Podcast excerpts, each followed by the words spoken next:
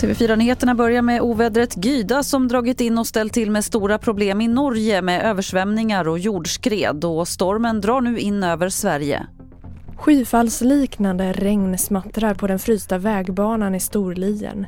Här i Jämtland väntas regnet slå över till snö framåt kvällen.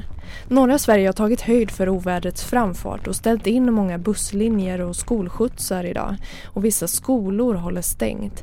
Från och med igår kväll kör inga tåg längre västerut än Östersund.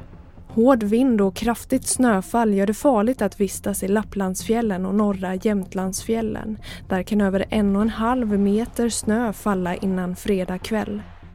Reporter här var Frida Jareteg. Så till Danmark som ska börja ge en fjärde dos vaccin mot covid-19 till särskilt sårbara grupper enligt landets hälsominister och Sundhetsstyrelsen. Det handlar bland annat om patienter med cancer och immunsjukdom. Danmark överväger också att erbjuda en fjärde dos till boende på äldreboenden och till de allra äldsta. Till sist kan vi berätta att Centerpartiets Annie Lööf har testat positivt för covid-19. Det meddelade hon själv på Twitter igår kväll. Hon ska vara symptomfri men tog ett snabbtest efter att en person hon träffade i slutet av förra veckan testat positivt. Hon säger att hon och familjen isolerar sig enligt de rekommendationer som finns. Fler nyheter finns på tv4.se. Jag heter Lotta Wall.